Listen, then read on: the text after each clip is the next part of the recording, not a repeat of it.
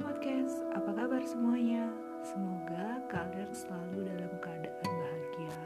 Meskipun diselipi depresi karena pandemi ini ya. Hmm. Melanjutkan episode pertama tentang pencarian jati diri saya. Kali ini saya ingin menceritakan pengalaman aneh saya lagi nih. Jadi waktu itu menjelang jam 12 malam tiba-tiba kami sekeluarga mendengar ada anak kecil yang sedang main bola. Saya pikir saya aja yang dengar, karena malam itu suaranya cukup keras, bahkan beberapa kali bola itu dipantulkan ke pintu rumah. Ini kami masih tinggal di mes sekolah ya, gengs. Besoknya, saya cerita ke ibu dan kakak saya, ternyata mereka juga dengar. Wow, seru sekali pastinya anak-anak tak kasat mata itu bermain ya. Masih ingin menceritakan tentang adik saya, Waktu itu ceritanya dia ngilang lagi, tapi kali ini saya nggak nyariin dia. Karena sudah tahu dia main di mana kan. Karena saya jadi semakin penasaran, saya tanya ke dia, sebenarnya kamu main sama siapa, terus di mana?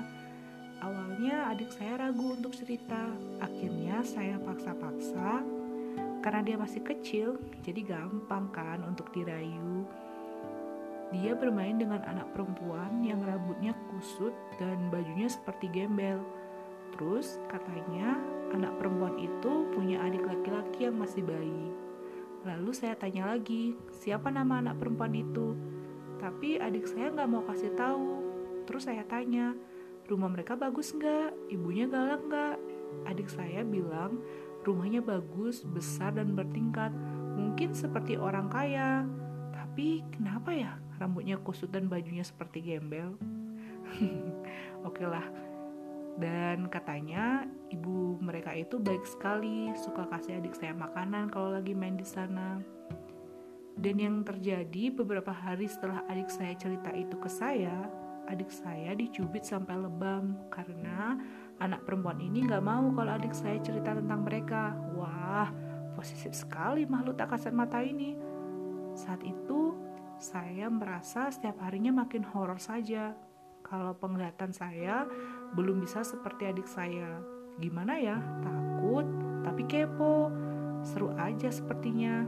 Setiap hari saya berdoa karena saking penasarannya kan, pengen aja lihat wujudnya seperti apa. Hmm, aneh juga ya saya.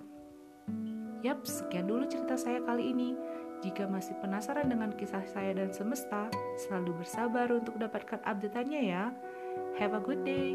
Bye-bye.